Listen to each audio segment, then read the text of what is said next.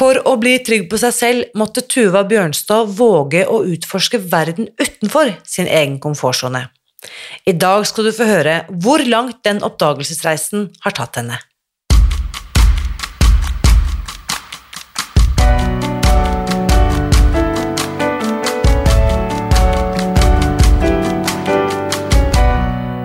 Mitt navn er Irina Lie. Jeg er journalist og forlegger, gründer og sosial entreprenør. I 2015 spiste jeg meg fri fra overvekt og fedme etter å ha slitt med vekt, kropp og følelser i nesten 30 år. Etter at jeg knakk koden, ga jeg meg selv et nytt oppdrag – å dele denne kunnskapen med alle som trenger det. I denne podkasten kan du derfor høre hele lydboken Spis deg fri, den finner du ved å bla deg tilbake i arkivet og lytte til første sesong. Hver uke inviterer jeg nå gjester som gir deg påfyll til hodet, hjertet og magen. For min visjon er å endre Helse-Norge, og det får jeg ikke til alene. Du bidrar ved å abonnere på podkasten, skrive en omtale i iTunes og tipse meg om hvem jeg burde invitere hit. Da setter vi i gang med ukens episode. Mennesker som våger å gå sin egen vei, de har alltid inspirert meg, og Tuva Bjørnstad er intet unntak. Til tross for sin unge alder, hun er bare 26 år, så har Tuva reist over store deler av verden, og enda mer spennende, hun, underveis så har hun også utforsket sitt eget indre landskap, og det skal du få høre mer om i dag. Her er ukens gjest.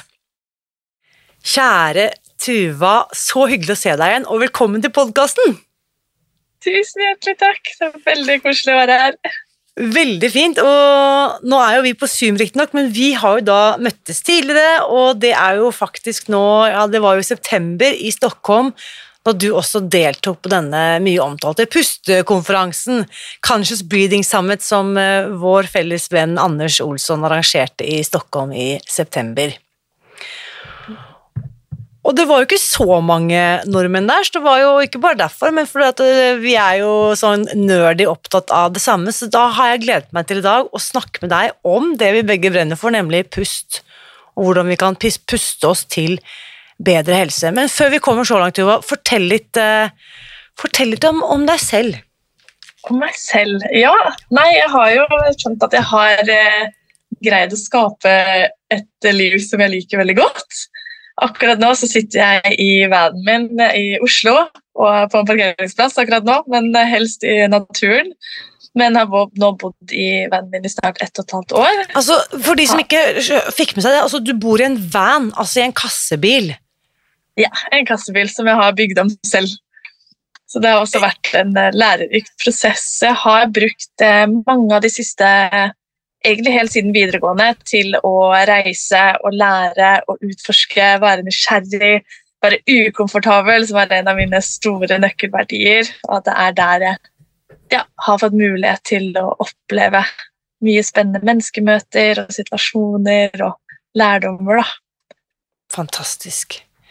Verdien av å være ukomfortabel, det er jo en fantastisk inngang. Eh, jeg kaller det jo nysgjerrighet, for det handler også veldig ofte om å bare gå mot det som virker litt ukjent, skummelt, ubehagelig, gjerne.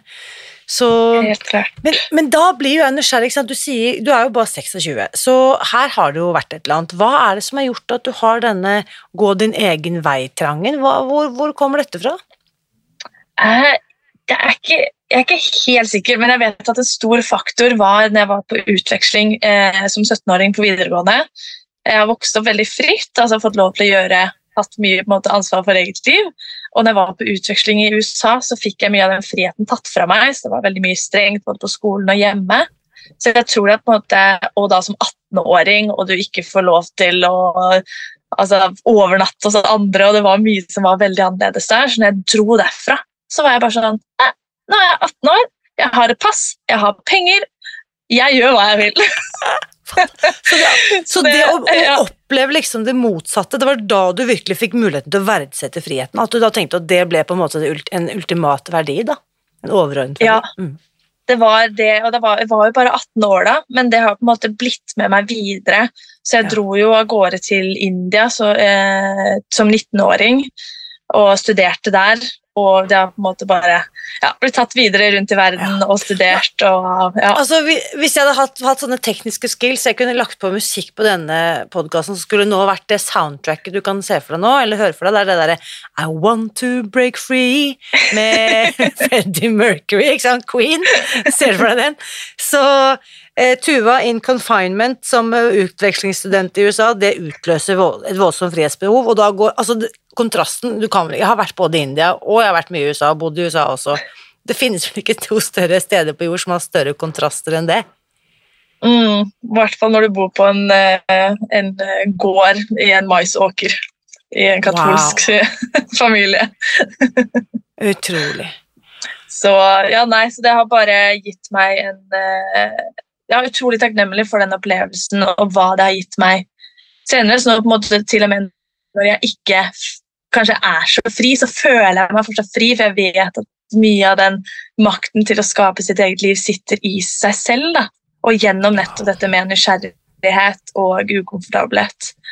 Og eh, legge merke ja, og sette pris på de små tingene, da, som er litt sånn klisjé, klisjé å si, men det er jo ofte derfor ting er klisjeer, fordi de er, det er noe sannhet i de. Ikke sant. Veldig, veldig sant. Så hva er det du studerer i India når du drar dit? Eh, da studerte jeg fred og konflikt. Eh, så det endte opp, eh, endte opp, med å bli en, en, bachelor i noe som heter utviklingsstudier, som også handler mye om, ja, om verden da, og hvorfor vi står i dette kaoset som vi gjør i dag. Da er det naturlig å spørre deg hvorfor står vi i dette kaoset i verden som vi gjør i dag? Tør du å spørre det, stille det spørsmålet? Nei, hva skal jeg si, kanskje et, et litt sånn eh, enkelt svar Eller ja er, Nei, nå beveger jeg meg på temaet.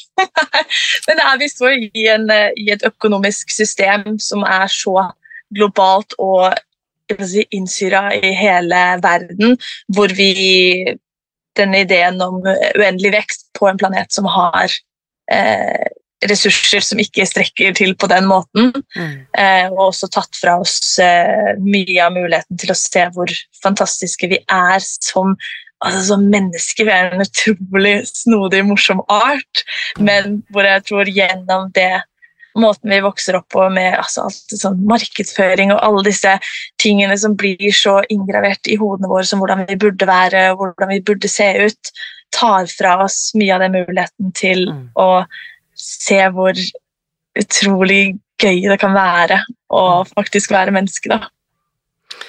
Det, er, altså, det her er jo egentlig kjernen i det, på en måte altså, Jeg har jo ikke rukket å snakke med deg om det, men for ti, snart tolv år siden så hadde jeg et prosjekt der jeg var, eh, hadde shoppingfri, kjøpestopp i et år. Uh, uh, shoppestopp, og så resulterte det i at jeg skrev en bok som heter Shoppingfri, som kom ut uh, for snart ti år mm. siden. Og det er akkurat dette her. Først det, det dilemmaet med det ubegrensede eh, eh, forbruket på en, eh, en, klode med begrensede ressurser. Det, det går ikke i hop, det er det første. Men også den indoktrineringen som du også sikter til her, da, hvor vi blir fortalt at vi er verdt Altså fordi du fortjener det, sier Loreal, fordi Og da må jeg kjøpe det og det produktet fordi jeg fortjener det. Hva med at jeg bare fortjener å være the perfect human being as I am, uten å måtte putte på verken noe produkter eller kjemikalier eller tekstiler, for den saks skyld? Altså, vi er født liksom som guddommelig perfekte beings i utgangspunktet, men så er vi blitt mhm. lurt til å tro at verdien vår defineres ut fra hva vi forbruker som konsumenter. Mm. Det, er, det, er, ganske heftig Det er ganske bra gjort på, på av hva skal vi si, markedskreftene eller de som hjernevasker oss, til å få oss til å tro det. Mm. Og, at, eh, ja, og det er jo en utrolig Når man begynner å ta tilbake mye av den makten i sitt eget liv, så er det mye hardt arbeid. Men det, da ser man så bare sånn Jeg var ute på eh, og plukka traktkantarell i går og var i skogen i sola alene og bare Å, jeg bare koste meg så fælt. Eh, og for meg så viser det seg mer og mer til, spesielt også nå som jeg har bodd i denne bilen i, i snart et og et halvt år, hvor utrolig fint man kan ha det med veldig lite. da. Mm. Og det å styrke relasjonene og, og jeg tror hvis vi eller ja, det var jo egentlig gjennom eh, den, eh, den, de studiene jeg har tatt, hvor jeg begynte å se på at disse strukturene vi, og systemene som vi lever innenfor, er ikke bærekraftig på noe vis. Eh, og som gjorde at jeg også følte at det var overveldende med altså hvor store og globale disse systemene er. Som gjorde at jeg begynte å se mer på okay, hva kan vi gjøre på individnivå. Og jobbe med at individer kan få det bedre, ta bedre valg ut ifra alt det som eksisterer rundt. Eh, som var det som førte meg etter hvert til pusten. Da. og se wow. at det som kommer Altså det er det første vi gjør når vi kommer til verden, og det er det siste vi gjør. Eh, og hvor mye det er innenfor pusten som kan gi rom for så mye av livet. Ja.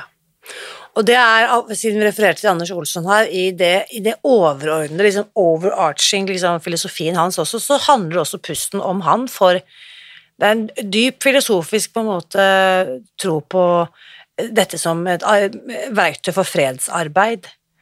Fordi Hvis jeg på en måte kan skape fred og indre ro på innsiden av meg selv, så vil ikke jeg gå ut i verden og være en som verken bidrar til krig eller konflikt. Da. Så uh, igjen, det høres kanskje veldig overforenklet ut, men når vi tenker gjennom det og, og, lar disse sannhetene synke, så er det helt åpenbart at uh, det, henger, det, henger, sammen, selvfølgelig, den indre og den ytre mm. verden.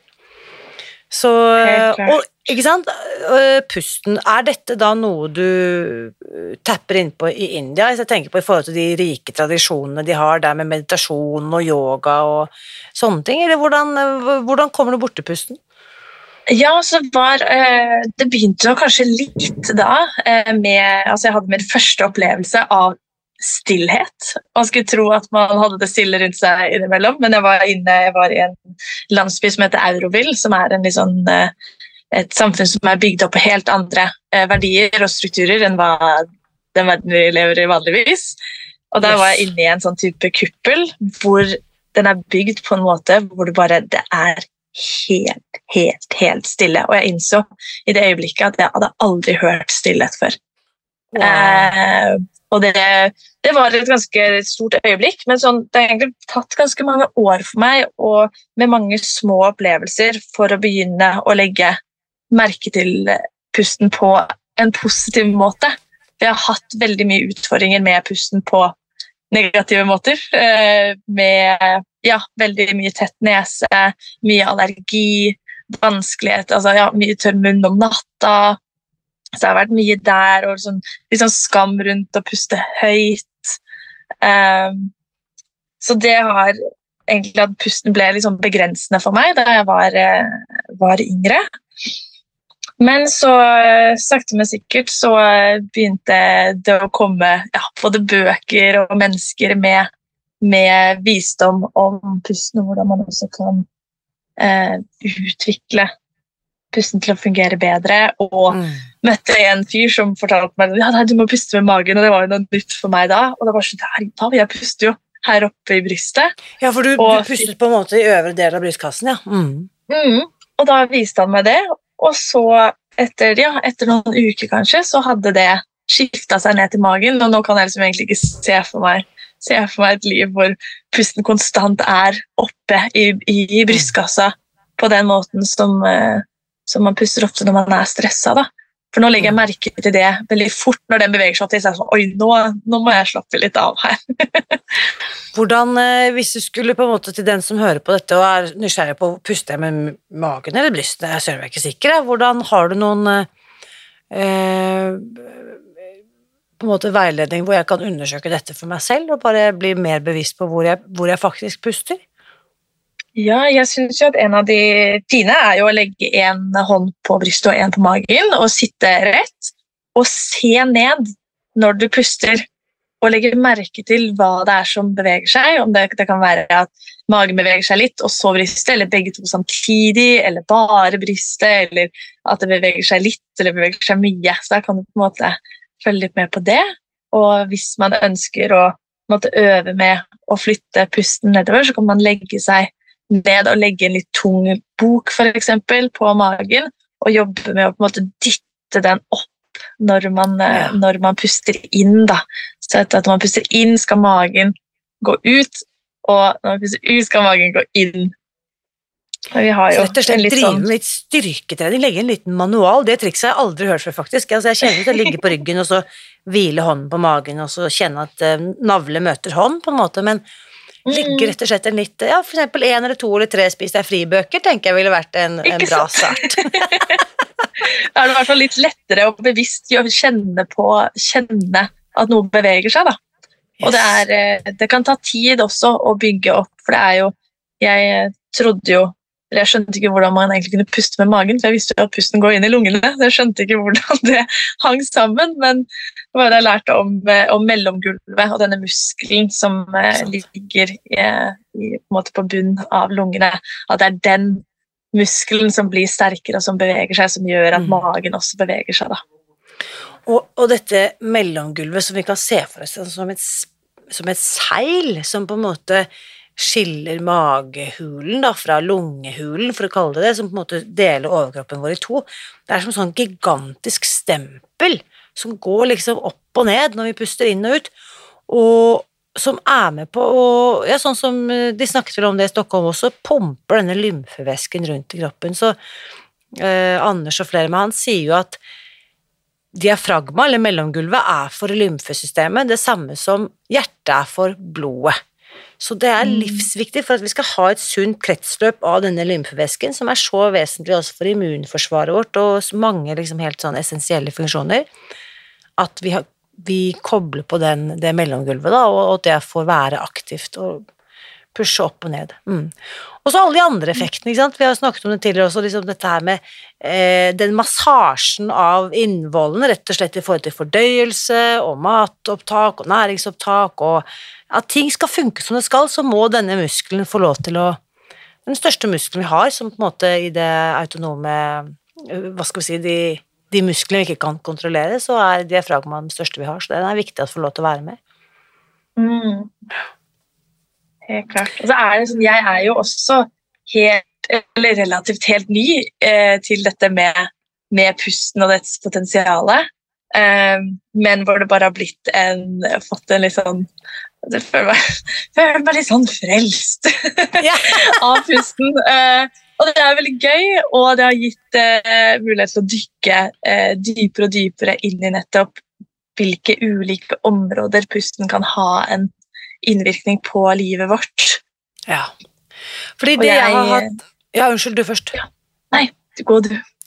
Det er jo, ikke sant, Jeg har jo vært veldig Fordi at jeg selv har liksom helt sikkert hatt veldig behov for det, så har jeg brukt pusten mye for å roe ned, ikke sant, og lande og aktivere det parasympatiske, liksom det rogivende, eh, rest and digest, eller også feed and breathe, er det noen som refererer til, ikke sant, dette parasympatiske nervesystemet som gjør at vi roer ned, senker pulsen, mer blod kan strømme liksom ned til eh, ja, fordøyelsesorganene og sånne ting.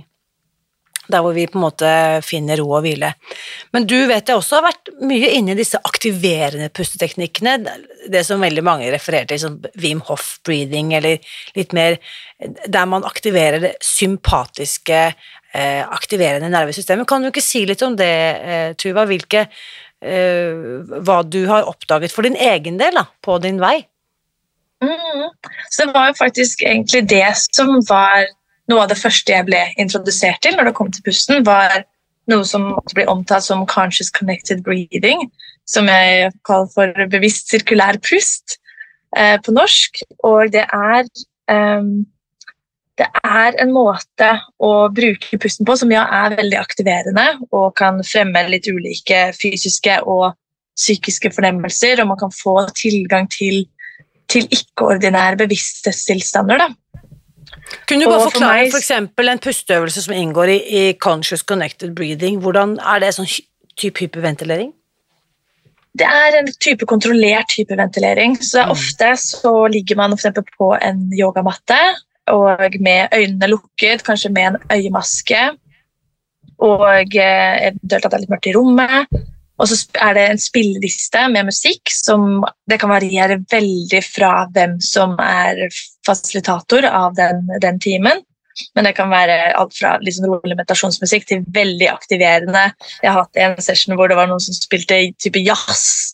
Eh, så det kan være liksom veldig mye forskjellig når det kommer til musikk. Eh, og så puster man som regel med munnen åpen, og det er på en måte noe innen innenfor, innenfor uh, bevisst pust, så er dette at man skal alltid Nesa er liksom hovedgreia, munnen skal være lukka. Men her så er det en del av de, en av de unntakene da, hvor man faktisk bruker munn. Og da er det mange som, kan, som har prøvd Wim Hof-metoden, som syns at det ligner fordi man også får litt lignende eh, fysiske fornemmelser, sånn liten prikking i fingrene f.eks.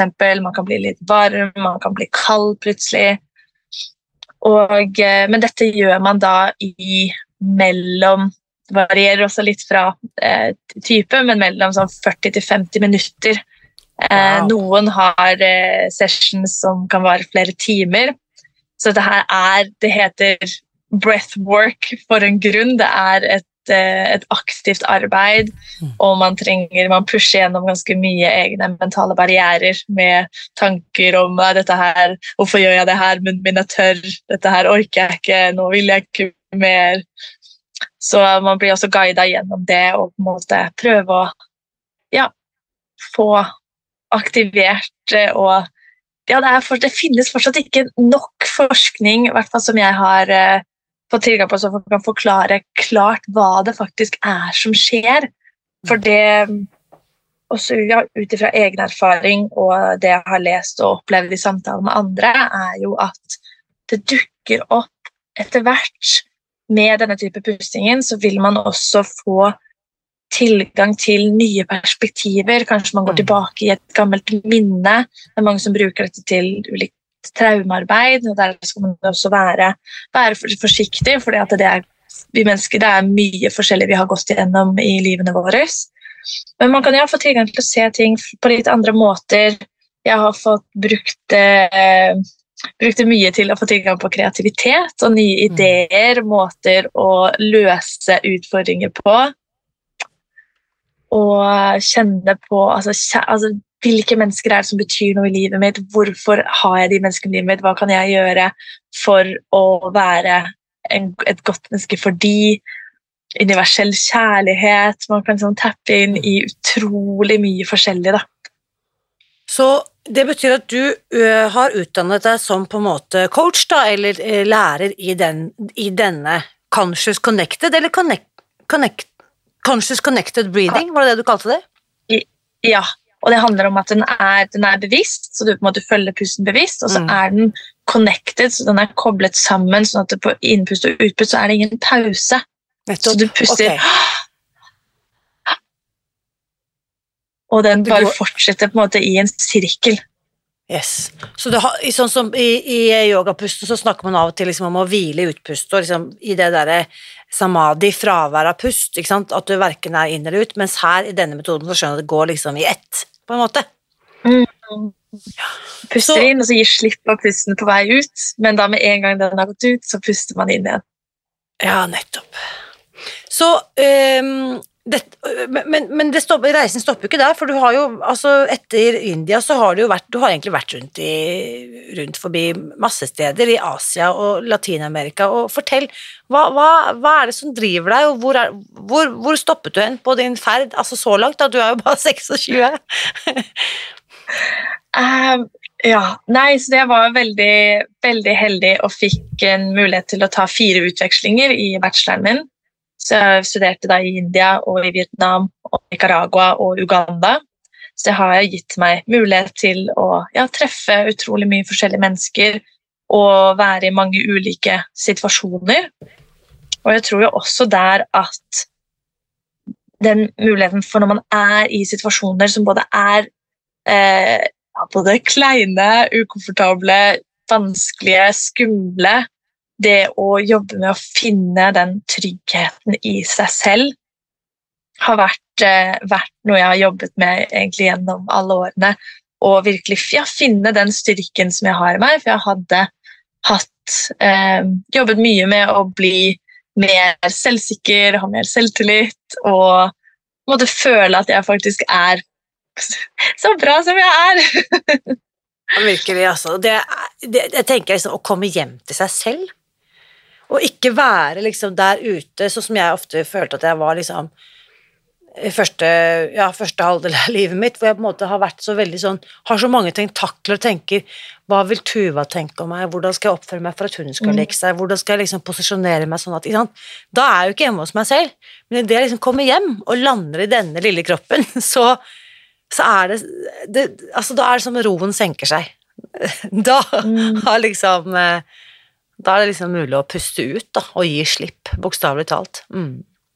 Mm. Og det er det jeg syns er så fascinerende med mye av det jeg har fått oppleve og mestre, er at jeg vet Og jeg har også skrevet mye dagbøker, så jeg har liksom mange av tankene mine svart på hvitt.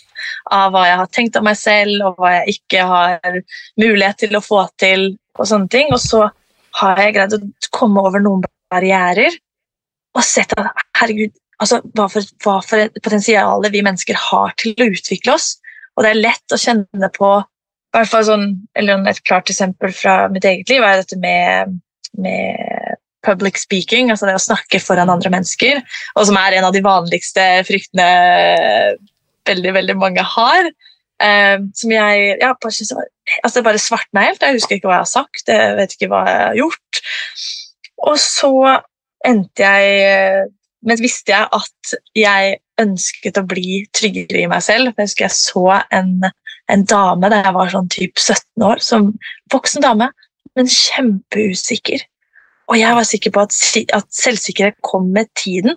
Men når jeg så hun eldre dame, så var jeg bare sånn Oi, herre, hvis jeg ikke gjør noe nå, så kan det hende at det også er meg om så og så mange år. Wow. Og begynte å virkelig ta det i egne hender og bestemte meg for at hver gang hvis det dukket opp noe som en mulighet til å eh, eller noe som fikk meg til å føle meg litt sånn ukomfortabel, så det sånn, da er det bare å hoppe i det, og så får det bare gå som det går. Fantastisk. Så du har på en måte gjennom- gjort det til Du har gjort det på en måte til et, en greie at du går mot det som er uko. Og dette har jeg ikke lyst til. Ok, da er det bare å spenne på seg skoene, da skal jeg i den retningen. Mm, Mm. litt, og i hvert fall sånn, altså Man kjenner jo på hva slags Om det er en reell altså Om det er ukomfortabelt fordi at dette er, ikke noe jeg, dette er ikke noe jeg ønsker å gjøre i det hele tatt, så gjør man det ikke. Men hvis man liksom rasjonaliserer ja, hvis man rasjonaliserer den følelsen ok, å er kjemperedd for å gå på den scenen, så ok, hva er det egentlig så, Er det egentlig farlig? Og hvis ikke, så er det sånn, nei, men da må jeg bare da må jeg gjøre det. Og det resulterte jo i at jeg eh, gjennom det endte opp med å holde en TED-talk eh, på TEDx eh, Youth. Og altså, det var altså, det er kjempekult. Altså, jeg er kjempefan av TED og syntes det var kjempestas. Men i det øyeblikket jeg var ferdig med å gjennomføre det, så var det som liksom, flere brikker av det å være menneske falt på plass. Og jeg var sånn wow. Hvis jeg har fått til det her nå, så tør jeg nesten ikke å tenke på hva vi alle etter hvert kan få til hvis vi sakte og liksom jobber sammen med Yes. å bevege oss forbi våre egne begrensninger om hvem vi er. Da. Du, Det må vi dvele litt ved, for jeg skulle jo komme til det. ikke sant? Det ender jo da også med at du står på scenen hos, eh, hos TED, holdt jeg på å si, TEDx Youth, som du nevnte her. Det er stort. Det er veldig få forunt å få den eh, spacen til å kunne presentere på en TED, eh, TEDx-scene eller TED, eh, TED-talk. Så, og den, den videoen har vi jo link til. Den kan vi også legge ut i den åpne eh, Facebook-gruppen eh, Spis deg fri, så folk kan finne den linken i, i kommentarfeltet til denne, til denne episoden her. Men, men eh, fortell litt om eh, Apropos TED, jeg må bare skyte inn det du også, også sa rett forut for dette. Jeg hadde en gang en sånn eh, voice coach. Vi var Vi skulle ja, Det var i forbindelse med sånn gründerpitch, hvor det kom en sånn voice coach som skulle gi oss litt sånn veiledning. Og hun veiledet også de som skulle på TED-scenen, da. Og hun fortalte en undersøkelse fra Storbritannia der oppga 90% altså britene ble spurt hva er du mest redd for, og da oppga 90 da at de var redde for å dø. Og 97% svarte at de var redde for å si noe offentlig, eller public speaking. Så angsten for å si noe offentlig eller stå på en scene, den er altså eh, for folk flest mer lammende enn angsten de har for å dø. Så det setter ting litt i perspektiv. Så hvordan kom dette i stand, Tuva? Jeg er kjempenysgjerrig. Fortell. Eh, ja, det er jo egentlig en veldig eh, hva skal jeg si, fin historie. Eh, så jeg har en, eh, Min beste venninne var med i teamet til TED, TEDx som var med i markedsføring og sånn. Og jeg var jo så stor fan av TED, så jeg var sånn kan jeg komme og se på, se på pitchene? Så ja, ja, men det er bare å komme. Og så satt jeg og så på, så på disse pitchene sammen med henne. Og så sier eh, hun på scenen bare sånn Ja, hvis det er noen flere i salen som ønsker å holde en pitch, så kan du gå og hente et nummer. Og så kjenner jeg bare hjertet mitt bare faller i gulvet, og jeg er sånn Å nei, da kjenner jeg at nå er jeg så ukomfortabel, fordi jeg vet at dette her og dette, dette løftet jeg har gitt til meg selv. Så jeg bare jeg reiser meg, går opp, henter dette nummeret Wow. og går ned igjen. Og venninna mi ser på meg og er sånn Tuva, skal du prate? Og jeg bare Ja, jeg skal det nå. Men gjorde du det on the fly, eller hadde du liksom i ditt stille sinn tenk hvis det var meg, og så i, i liksom sene kvelder laget hele talken klar, liksom, eller pitchen klar, da? Nei. Dette gjorde Nei, du sånn. sånn. det var ikke relevant. Jeg, hadde, jeg hadde ikke noe behov for å gå på den scenen. Eller sånn, jeg, hadde jo ikke meldt meg på, sånn, så jeg tenkte at dette er veldig fint å bare se på. Og så satte jeg meg ned og så var sånn, ja, hva skal du prate om, Tuva? Nei, det, det må jeg finne ut nå i løpet av de neste minuttene. Så gikk jeg veldig raskt inn i hodet mitt og tenkte på hva er det jeg, hva er en av mine hjertesaker? Og det er jo nettopp det å bevege seg ut i det ukomfortable. Så da ble det jo det, da skribla jeg ned noen smånotater, gikk opp på scenen, prata vel sikkert i tre minutter eller noe. Gikk ned, husket ikke et Nei, eneste ord av hva jeg har sagt! Og bare, og bare så på en måte sånn, ganske sånn skjelven, men også takknemlig for at jeg faktisk nå, nå har jeg holdt det løftet til meg selv. Og det spiller, ikke, da, hadde ikke noe- da, altså, det spiller jo egentlig ikke noe hva utfallet ble, for du har holdt løftet du har gitt til deg selv, så der er det check, der er du en vinner allerede. Så vi kan ikke liksom, Ja. holde, eh, liksom holde fast i hva utfallet blir, men du har gjort det. Fantastisk. Og jeg hadde jo null forventninger om at jeg da skulle gå videre. For jeg visste ikke hva jeg hadde sagt engang. Jeg, en måte, jeg hadde jeg sjekka på min egen liste. Og så gikk jeg videre, og så endte jeg opp på, på det hovedeventet. Og jeg tror jo altså, For det var jo flere som 'Å, herregud, gruer du deg?' Og det var sånn, det var ikke en eneste gang at jeg brukte ordet 'å grue meg'. Eh, fordi jeg ville ikke akseptere altså, Det å i det hele tatt se for meg at det skulle gå dårlig på den scenen altså Det som vanlig skjer, er jo bare at det svartner, og så begynner jeg å gråte. Så bare er det bare, bare å gå. Det Eh, som vanligvis litt- skjer. ja, ja, unnskyld. Så jeg ville liksom ikke gi rom for at det var eh, en mulighet. Så det var sånn, det var sånn Nei, jeg er spent. Jeg er bare spent. Spent, spent, Mm. spent. spent. Mm. Eh, og når jeg da gikk opp på den scenen, og så husker jeg bare liksom så utover de 200 menneskene som satt der, og begynte å prate og huske, liksom, Jeg husker fjesene, jeg husker hvem som så på meg. Jeg Mm. husker hva Jeg husker ting. Altså når jeg var ferdig, så var det sånn Mm. Jeg var til stede i det øyeblikket, som bare var en helt utrolig opplevelse. Så jeg tror det også for meg var et sånt nøkkelpunkt hvor jeg skjønte bare Altså, ja, vi aner ikke uh, for oss selv, og det er det som er litt kjipt også, er at vi, vi, vi greier ikke helt å se forbi de begrensningene vi har satt på oss selv. At det faktisk er mulig å plutselig føle seg komfortabel med å snakke foran folk, eller uh, know, spille en konsert, eller dele et, eh, et dikt, eller ja, hva enn, da. Her er det jo et eh, eh, fantastisk quote som jeg er helt overbevist av eh, Overbevist om at eh, eh, at du kjenner til. Eh, Jeg er spent. Det skal jeg klare å finne her. Men det, med, det, det er bare med å skynde, eh, liksom skyte inn her, da, for, eh, som en liten teaser i den, uten at vi skal fortelle noe mer om det, men jeg kan bare si at det er sånn cliffhanger moment i den eh, videoen, da, så jeg var jo ikke der, jeg har jo bare sett opptaket, hvor du avslører da at under et av disse setene, jeg vet ikke hvor mange er det som ser på, det er noen hundre i den salen, så har du da eh, eh, festet, da, sier, sier til publikum at eh, under en av stolene deres så er det på en måte festet en, en X eller et, et, en papirlapp, og den som har fått den lappen, eh, blir da invitert opp på scenen for å holde en to minutter talk om det temaet du har eh, sagt. Så eh, altså, the, the, look on their faces det, eh, det er jo ja, helt ubetalelig. Um, og, også, og, også, i forhold til det på en måte, nivåer av, av ukomfortable der, så var det også noen som ikke sjekket under stolen sin. Og det var så langt unna i det hele tatt at det, det skulle være mulighet for at de skulle opptre på den scenen. Så sjekket de ikke engang. Mm. Så jeg, jeg, det, det, Dette her er så uaktuelt for meg, så det forholder jeg meg ikke til. Så jeg, jeg bøyer meg ja. ikke ned og sjekker engang. Så det sitatet jeg siktet til, vet du, som jeg syns er helt uvatt, altså, ufattelig vakkert, og det er sånn at det, jeg kan egentlig aldri fatte helt omfanget av hva dette innebærer. Det er Marianne Williamson, Williamson som heter Our Greatest Fear. Our greatest fear, it is our light, not our darkness, that most frightens us. Our deepest fear is not that we are inadequate. Our deepest fear is that we are powerful beyond measure. Så det er, altså med andre ord, det er ikke frykten for fiasko som, som på en måte skremmer oss mest.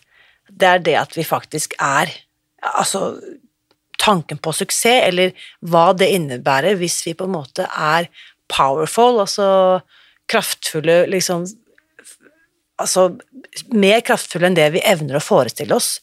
Det er det som skremmer oss. Mm. Hva hvis jeg mm. våger å steppe inn i det fantastiske øh, vesenet jeg er skapt for å være? Så ut fra den frykten så we play small, altså vi gjør oss mindre, inkludert med pusten vår. Holder mm. pusten, prøver å ta så lite plass som mulig, prøver å unngå å bli sett. Ikke sant? Jeg bare blir mindre og mindre og mindre. Bare Altså, vi forgår da liksom i vår egen frykt for å liksom Tenk deg bare det liksom Jeg husker liksom på, på på yogatimen. Jeg husker liksom yogalæreren min, en av mine første yogalærere inviterte meg liksom til å fylle deg selv helt opp med, med luft og liksom strekk brystet fremover. Bare, det, kan du ikke gjøre det, liksom? Kan du ikke ta så mye plass? Liksom Bare fylle brystkassen og bare trekke skulderbladene sammen og bare gå ut i verden med brystkassen først. Det, det bare det, Sånn kan vi jo ikke gjøre. Det har vi ikke lov til, ikke sant?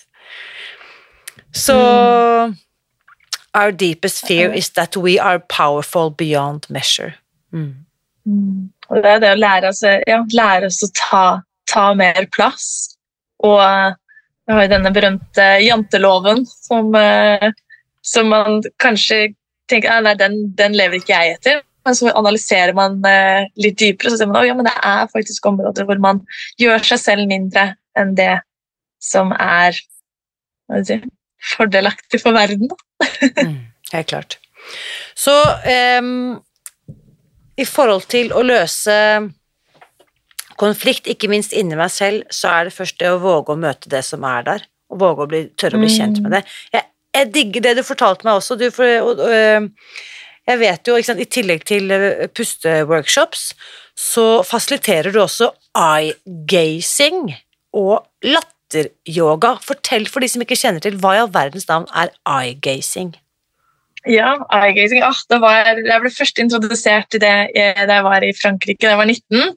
Da reiste jeg altså dit alene for å lære meg fransk. Og eh, da gikk jeg i Paris, og så ser jeg bare masse mennesker som sitter mot hverandre, liksom to og to rundt på et område. Så jeg sånn, hva er dette her for noe? Og så bestemte jeg for å sette meg ned, og så kom det et annet menneske og satte seg ned foran meg. Eh, da hadde vi noen puter eller noe vi satt på. Og så hadde man tre minutter, med, og man sa ingenting, man sa ikke hei, man bare satte seg ned og så hverandre inn i øynene. Og for mange så er det dette kan føles ekstremt liksom, kleint og rart. Men det er idet man på en måte tillater det å faktisk se et annet menneske inn i øynene, og det er noe spesielt med altså øynene våre Det er en dybde, og det er noe magi inni der. Eh, og det å få tilgang å se bare wow, dette mennesket med sitt liv, sin historie, sine opplevelser, tanker, følelser Alt det som eksisterer inni dette mennesket.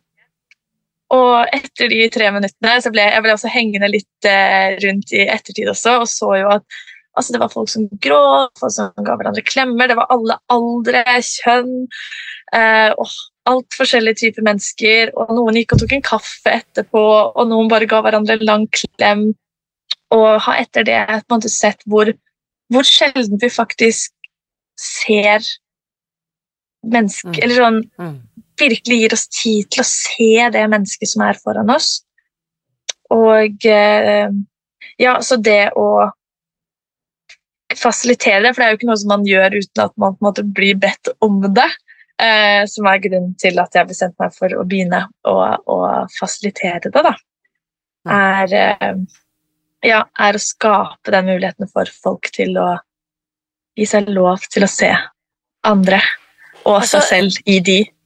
til, den, til deg som hører på dette, bare, bare i, i senere dag eller eh, i løpet av uken eller til helgen eller når som helst, bare prøv. Altså, ehm, først så kan du bare legge merke til om du faktisk ser andre i øynene, eller du, om du tillater dem å se deg i øynene. Og jeg, vet du, dette høres jo helt liksom, Du var 19, sier du. Jeg var, jeg kan, jeg kan pinpointe. Jeg kunne helt, helt sikkert gitt deg den eksakte datoen hvis jeg hadde sjekket dagboken min, men det var i 2016 jeg var på en workshop i California, hvor jeg ble tatt med på en øvelse som ligner på det du beskriver. Og det var jo en firedagers event, altså på slutten av, det handlet om veldig mye annet, men på slutten av det eventet skulle vi sette på en måte en sånn mission statement, da, liksom noe vi ville ønske å forplikte oss til, eller hva vi tok med oss. Så det, det jeg bestemte meg for, dette var jo da i 2016, da var jeg 40 år gammel. Eh, da bestemte jeg meg for at heretter skal jeg våge å la folk se meg i øynene, og jeg skal våge på en måte å møte blikket og se andre i øynene. Så det ble et, liksom et eh, mantra for meg gjennom hele 2016. Og de møtene, det er jo ekstremt intimt. Det er jo liksom å tørre å slippe helt inn, og det å våge å bli sett. Det ligger jo noe i det, ikke sant? Og jeg husker ofte at eh, folk trodde sikkert, eller hva vet jeg, jeg tror ikke de trodde at jeg, at jeg så dem i øynene, for jeg kunne liksom finne på å liksom fokusere på liksom mellom øyenbrynene, eller se dem liksom på neseryggen, eller titte på liksom eh, øyevippene, altså jeg så liksom mot øyeområdet som om det så ut som jeg møtte blikket, men jeg gjorde jo ikke det. Så øh, hvis du som hører på, bare kanskje du har Hvis du har en god relasjon til partneren din, og hvis du ikke har en god relasjon til partneren din, så er det kanskje enda viktigere å si du, det er sånn, helt sånn teit podkast jeg hører på, eller si hva du vil. Kan ikke vi bare i ett minutt se hverandre inn i øynene? Bare gjøre det eksperimentet. Ja. Så det, er et Det er helt, jo- det er et helt univers der som venter på deg på andre siden hos det andre mennesket, og du også åpner litt på en måte det der indre universet ditt, da, og, og lar deg tørre å bli sett. Mm. Mm. Så gjør, gjør det med, med barnet sitt, eller med partner, eller med en god venn. Og så er det sånn det er si, altså, det er jo ikke sånn i det vanlige livet når du er på butikken og sånn, liksom. Ikke, det er ikke sånn, Da skal du skulle stoppe og stirre. Se på meg sånn et minutt, men at det altså over lengre når man skal ta ja, et minutt eller tre minutter, at det er noe man faktisk måte planlegger og setter seg ned for å gjøre og for å connecte. Men ellers også selvfølgelig i det hverdagslige liv at man tar det lille øyeblikket og ser folk i øynene når man faktisk snakker med dem. Ja. At det utgjør en, utgjør en forskjell. Jo, også nå, sant, det du sa, sant, og selvfølgelig med, man, det, man trenger ikke nødvendigvis å ha en partner engang, altså, i forhold til, eller barn for den saks skyld, men det jeg merker da, er når barna mine, jeg har to jenter, når de forteller noe, så gjør jeg det til et poeng at jeg ser på dem, ikke bare ser på dem, men at jeg ser dem i øynene mens de forteller, for da vet de, og de kjenner det, altså helt ned på cellenivå sikkert, at nå har de mamma sin fulle og udelte oppmerksomhet. Jeg er der for dem, jeg lytter dem, jeg ser dem, jeg, jeg på en måte anerkjenner deres Istedenfor at jeg blir sittende med mobilen og bare mm, ok, du sier det, ja, ikke sant? Eh, Jeg er jo helt åpenbart ikke til stede, men det å faktisk se barna mine i øynene når de forteller noe, det er, mm. det er, det er et før og etter, altså, den, den eh, april 2016. Mm. Mm, uvurderlig. Det er Uvurderlig. Så, og det, jeg vet jo også, siden vi har snakket om det ukomfortable, Tuva, det er jo veldig mange som opplever ubehag. Jeg vet ikke om du har reflektert noe rundt det, men hva er det ubehaget? Er det det at jeg ikke ønsker å bli sett? At jeg er powerful uh, beyond my biggest fear, liksom? Er- Hva er, det, hva er det ubehaget består i? At jeg ikke vil bli sett eller se noen i øynene? Mm.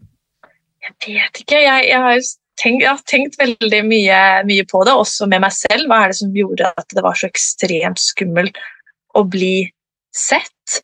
Men jeg har også opplevd, for jeg var med på et sånt kurs eh, på, på SIO som de har for å bli mer komfortabel med å snakke foran folk hvor man øver på ulike ting. Og Da skjønte jeg at det er veldig forskjellig hva altså Noen syns det er skummelt å snakke, altså det å bli hørt eh, er skummelt. Mens for, for meg, det å bare altså, sitte stille og noen ser på meg, null problem. Mens for noen så var det en kjempeutfordring. Bare det, bare det å bli sett på. Trenger ikke å gjøre noe, ikke si noe, men bare det å bli sett på. Mm. Um, så jeg, altså sånn generelt, jeg er jo så opptatt av dette med, med frykt, og vet at det er, vi har, utrolig mye forskjellige frykter på både dype og mindre dype nivåer som, eh, som vi måte, opererer etter som samfunn og som individer. Så et enkelt og veldig upresist svar er jo frykt, da. mm. På ulike vis. Nei, så enkelt og så vanskelig på, på mange måter. Dette har vært kjempespennende, mm. og så må vi bare helt på slutten tappe inn på at du også fasiliterer latteryoga. Det er jo ja, en verden for seg selv. Fortell, Tuva, hvordan, hvordan kom du bort til det, da? det, det, er jo eh, lattermeditasjon. Jeg er ikke eh, Lattermeditasjon, ja. Mm. Men bare, altså, bare sånn skjønt altså, Også for eh, mellomgulv og sånn, så er det kjempebra å le.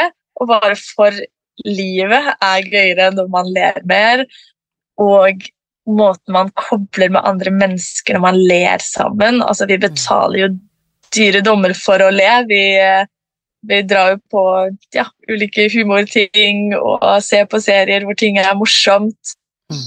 Så det å ja, kunne le sammen, og også det å gi seg lov til å le uten at det er noen grunn for å le. At det kanskje egentlig ikke er noe som er morsomt. Jeg vet ikke om du har sett den videoen med noen som, en som begynner å le på, eh, på T-banen eller noe. Den gikk uh, viralt for mange mange år siden. Hvor, hvor den står og ler, og så begynner en annen å le, og så bare etter hvert så bare ler hele vogna. Så det er noe med latter som bare er så smittende og bare føles så godt. Så ja, det er bare innsett at det å kunne fasilitere for det også, og gi oss lov For det er sånn, når vi var unge også, hadde vi kanskje sånn latterkuler i klasserommet, og man bare man greier ikke å slutte. Og jo eldre vi blir, jo sjeldnere skjer eller i hvert fall for mange, da, jo sjeldnere skjer det at man faktisk ler sånn ordentlig godt. Mm.